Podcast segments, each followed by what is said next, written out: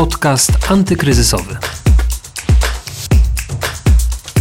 Dzień dobry, Justyna Smolińska. Zapraszam na nowy podcast antykryzysowy. Tak jak zapowiadałam, dziś porozmawiamy o sytuacji branży hotelarskiej i turystycznej. Aż 38% osób zatrudnionych bezpośrednio w hotelarstwie już straciło pracę. Tak donosi Izba Gospodarcza Hotelarstwa Polskiego, która informuje również, że bez pilnego wsparcia kolejne 16% miejsc pracy może zniknąć jeszcze przed nowym rokiem. Obłożenie w hotelach również jest wyjątkowo niskie. W październiku 43% obiektów odnotowało średnią frekwencję poniżej 20%. Wydaje się więc, że sytuacja hotelarzy jest dramatyczna. Kto ma największe problemy, które hotele ucierpiały najbardziej, jakiej pomocy potrzebują i oczekują od rządu hotelarze. No i co z właścicielami pensjonatów, przewodnikami turystycznymi czy organizatorami wycieczek. O tym wszystkim porozmawiamy w dzisiejszym odcinku. A naszym gościem jest Rafał Szmytke, prorektor Szkoły Głównej Turystyki i Hotelarstwa Wistula. Posłuchajcie.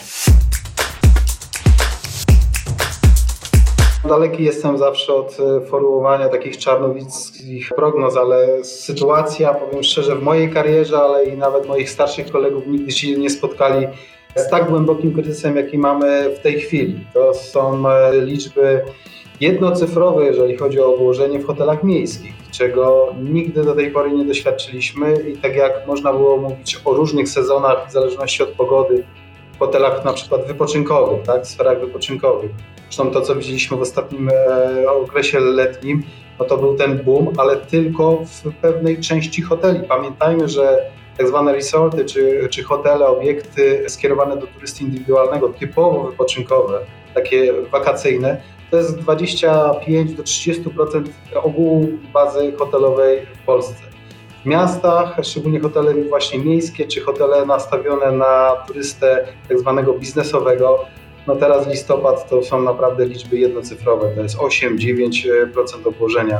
Pamiętajmy, że ta rentowność no w zależności tutaj od miejsca, rodzaju obiektu i tak dalej, ale ta rentowność obiektu zaczyna być powyżej 50-60%. Tak się liczy hotele. Nikt nie przyjmował w najczarniejszych e, scenariuszach, że może e, obłożenie spaść do tych wartości, które dzisiaj mamy. No właśnie, już trochę Pan o tym wspomniał, Panie Rektorze. Kto najgorzej sobie radzi z tej branży hotelarskiej? Czy to są tylko mm, hotele miejskie? Tak jak obserwowaliśmy i mamy praktycznie tutaj, ja dziękuję Izbie Gospodarczej Hotelarstwa Polskiego za te badania czy statystyki, które prowadzi w ramach e, swoich członków, e, opierając się chociażby na tych danych, no zauważamy taki trend, że to się już jakby wyrównało. Tak jak w okresie letnim, jeszcze e, w okresie wrześniowym, te hotele wypoczynkowe, nazwijmy to, czy w regionach typowo wakacyjnych, wypoczynkowych, miały te obłożenia wyższe, to były kilkudziesięcioprocentowe, niektóre nawet 40, 50 czy, czy 60. Miejsca były takie, że można powiedzieć, że wręcz stuprocentowe. W tej chwili to bardzo niskie obłożenie dotyczy praktycznie e, wszystkich rodzajów e, hoteli, zarówno hoteli miejskich, jak i tych e, w regionach wypoczynkowych. Tutaj mówimy o danych z początku listopada. To można powiedzieć, że tydzień po tygodniu miesiąc po miesiącu to się wyrównywało i w tej chwili mamy praktycznie porównywalną sytuację w tych obszarach. Izba Gospodarcza Hotelarstwa Polskiego mm, opublikowała też nowe dane. 38% osób zatrudnionych bezpośrednio w hotelarstwie straciło pracę w tym roku i jeżeli nic się nie poprawi, bez żadnego pilnego rządowego wsparcia, kolejne 16% miejsc pracy może zniknąć jeszcze przed nowym rokiem. Jak Izba wyliczyła, będzie to oznaczało, że nawet 110 tysięcy osób e, straci pracę. Czegoś takiego jeszcze nie było, więc naprawdę te dane brzmią, powiem szczerze, dość dramatycznie, panie rektorze.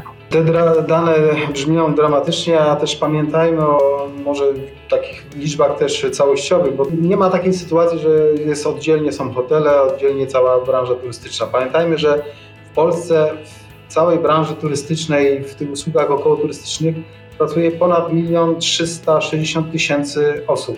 Pamiętajmy, że przychody z turystyki chociażby za rok 2018 to było w granicach 140 miliardów złotych i że jedna złotówka jakby wypracowana w turystyce to przekłada się na w tej chwili około 4,3 złotego e, w usługach jakby dodatkowych. Także jedna złotówka z turystyki przynosi ponad 4 złote w całym obszarze.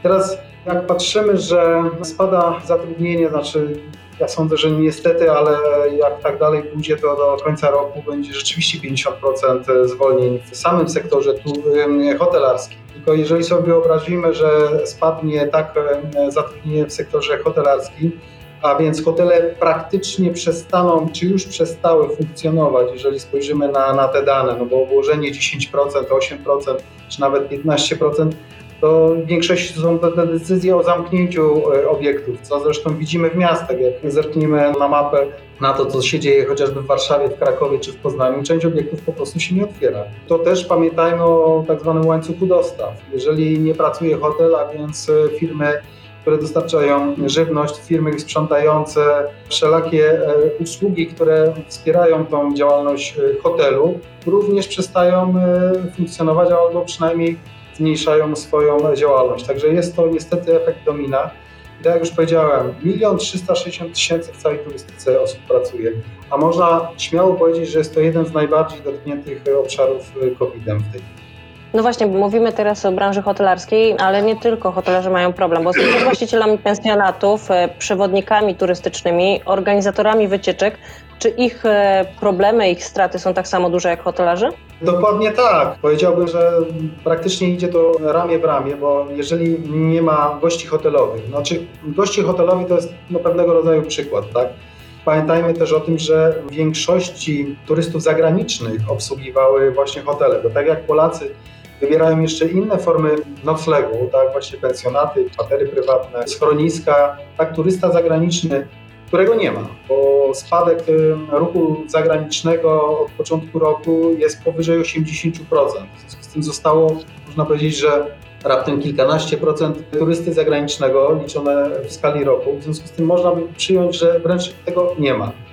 A więc te wszystkie usługi, właśnie usługi przewodnickie, gdzie ten przewodnik, a raczej kogo przewodnik ma w tej chwili oprowadzać po mieście czy po atrakcjach turystycznych, no po prostu nie ma tych osób. W związku z tym no, nie ukrywam, że w moim otoczeniu jest kilkunastu przewodników, moich kolegów i koleżanek.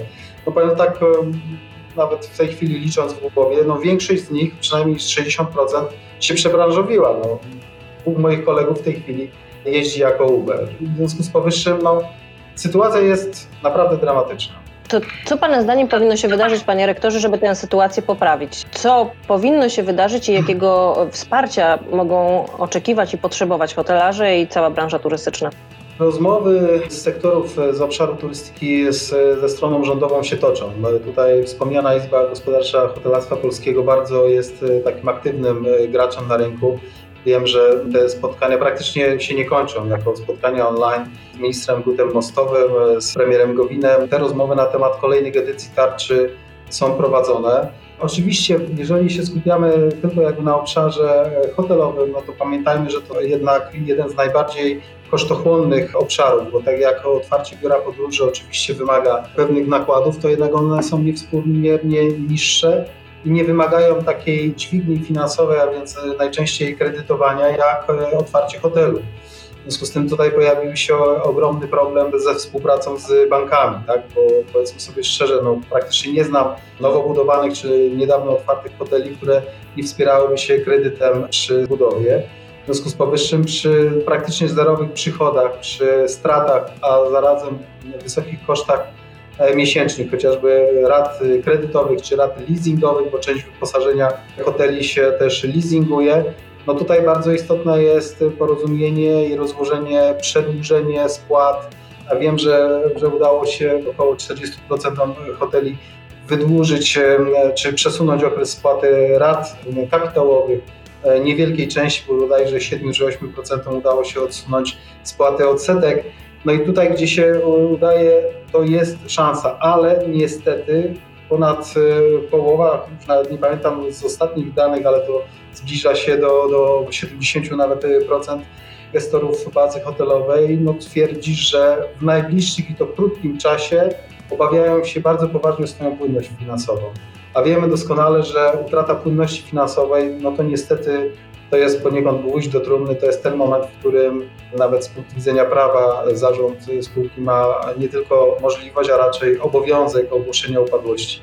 I nie chciałbym, aby tych upadłości było bardzo dużo teraz, no ale to chęci to, to jedna, a życie to, to drugie. Nie chciałbym mówić o szczegółach, ale bardzo mocna pomoc, już taka precyzyjnie celowana. Niestety bon turystyczny tylko w niewielkim procencie przyczynił się do poprawy sytuacji hotelarzy, co również jest wykazywane w ankietach. No właśnie, a proszę powiedzieć, jak duże są to koszty i co się składa na koszty mm, funkcjonowania takiego hotelu? Bo kredyt to jedno, a jak e, duże koszty są, jeśli chodzi o utrzymanie takiego obiektu? O jakich liczbach mówimy i o jakich kosztach, co się na nie składa? Trudno jest mówić o liczbach, bo rzeczywiście hotel hotelowi zupełnie nierówny. Co innego to będzie e, hotel pięciogwiazdkowy w centrum miasta z 300 bądź większą ilością pokoi, a co innego pensjonat z 20-30 pokojami gdzieś poza miastem na terenie już wiejskim. Ale no, wyobraźmy sobie nasze mieszkanie, media związane z naszym mieszkaniem, sprzątanie, do tego jeszcze ochrona, przemnożona przez 300, tak, tak upraszczając. Praktycznie hotelarz ponosi te same koszty, co my mając mieszkanie, a jeszcze wyższe, bo jest to działalność gospodarcza, w związku z tym chociażby podatki, które musi e, odprowadzać od nieruchomości, są to podatki nie tak jak my od mieszkań, tylko podatki od lokali użytkowych. A więc czynniki, które najbardziej jakby, znaczy polą w rozumieniu są elementem comiesięcznych kosztów, to oczywiście jeżeli tu mówimy o kosztach finansowych, a więc rata kredytu, która jest e, przy nowych obiektach, no są, praktycznie to są e, bardzo długie kredyty, w związku z powyższym ta rata kredytu jest bardzo istotnym elementem. Kolejny element to są oczywiście też e, wynagrodzenia. Tak? Pamiętajmy, że siłą turystyki, a szczególnie hotelarstwa jest kadra. I jeszcze przy tej okazji zwrócę uwagę na bardzo niebezpieczny element, o którym pani redaktor powiedziała, że większość hotelarzy twierdzi, że połowę swojego personelu już zwolniła, bądź planuje zwolnić. To jest niezwykle niebezpieczne, bo odbudowanie jakości hotelu, jakość to są ludzie. Jeżeli nie będziemy mieli tej kadry, to będzie proces, który znowu będzie trwał przez kilka lat budowy jakości obsługi gościa hotelowego. A więc rata kredytu, jak najbardziej koszty związane z obsługą samego budynku, ochrona, kadra zarówno tutaj dotycząca bezpośredniej obsługi klienta, jak i sprzątanie. To są jakby największe pozycje w każdym jakby kosztorysie działalności bieżącej. Panie rektorze, co będzie potem, czyli po tym czasie, kiedy już te hotele wrócą powiedzmy do względnej normalności, czyli będą musiały z powrotem zatrudniać te osoby, które zwolnili. Ile trwa taki proces szkolenia i właśnie, czy będą te hotele w stanie wrócić do względnej normalności dość szybko? Ile taki proces wracania do normalności i funkcjonowania normalnego już może trwać? No tutaj też oprę się na, na przewidywaniach hotelarzy bezpośrednio z, z tych ankiet, z rozmów, z, z analiz, które prowadzimy.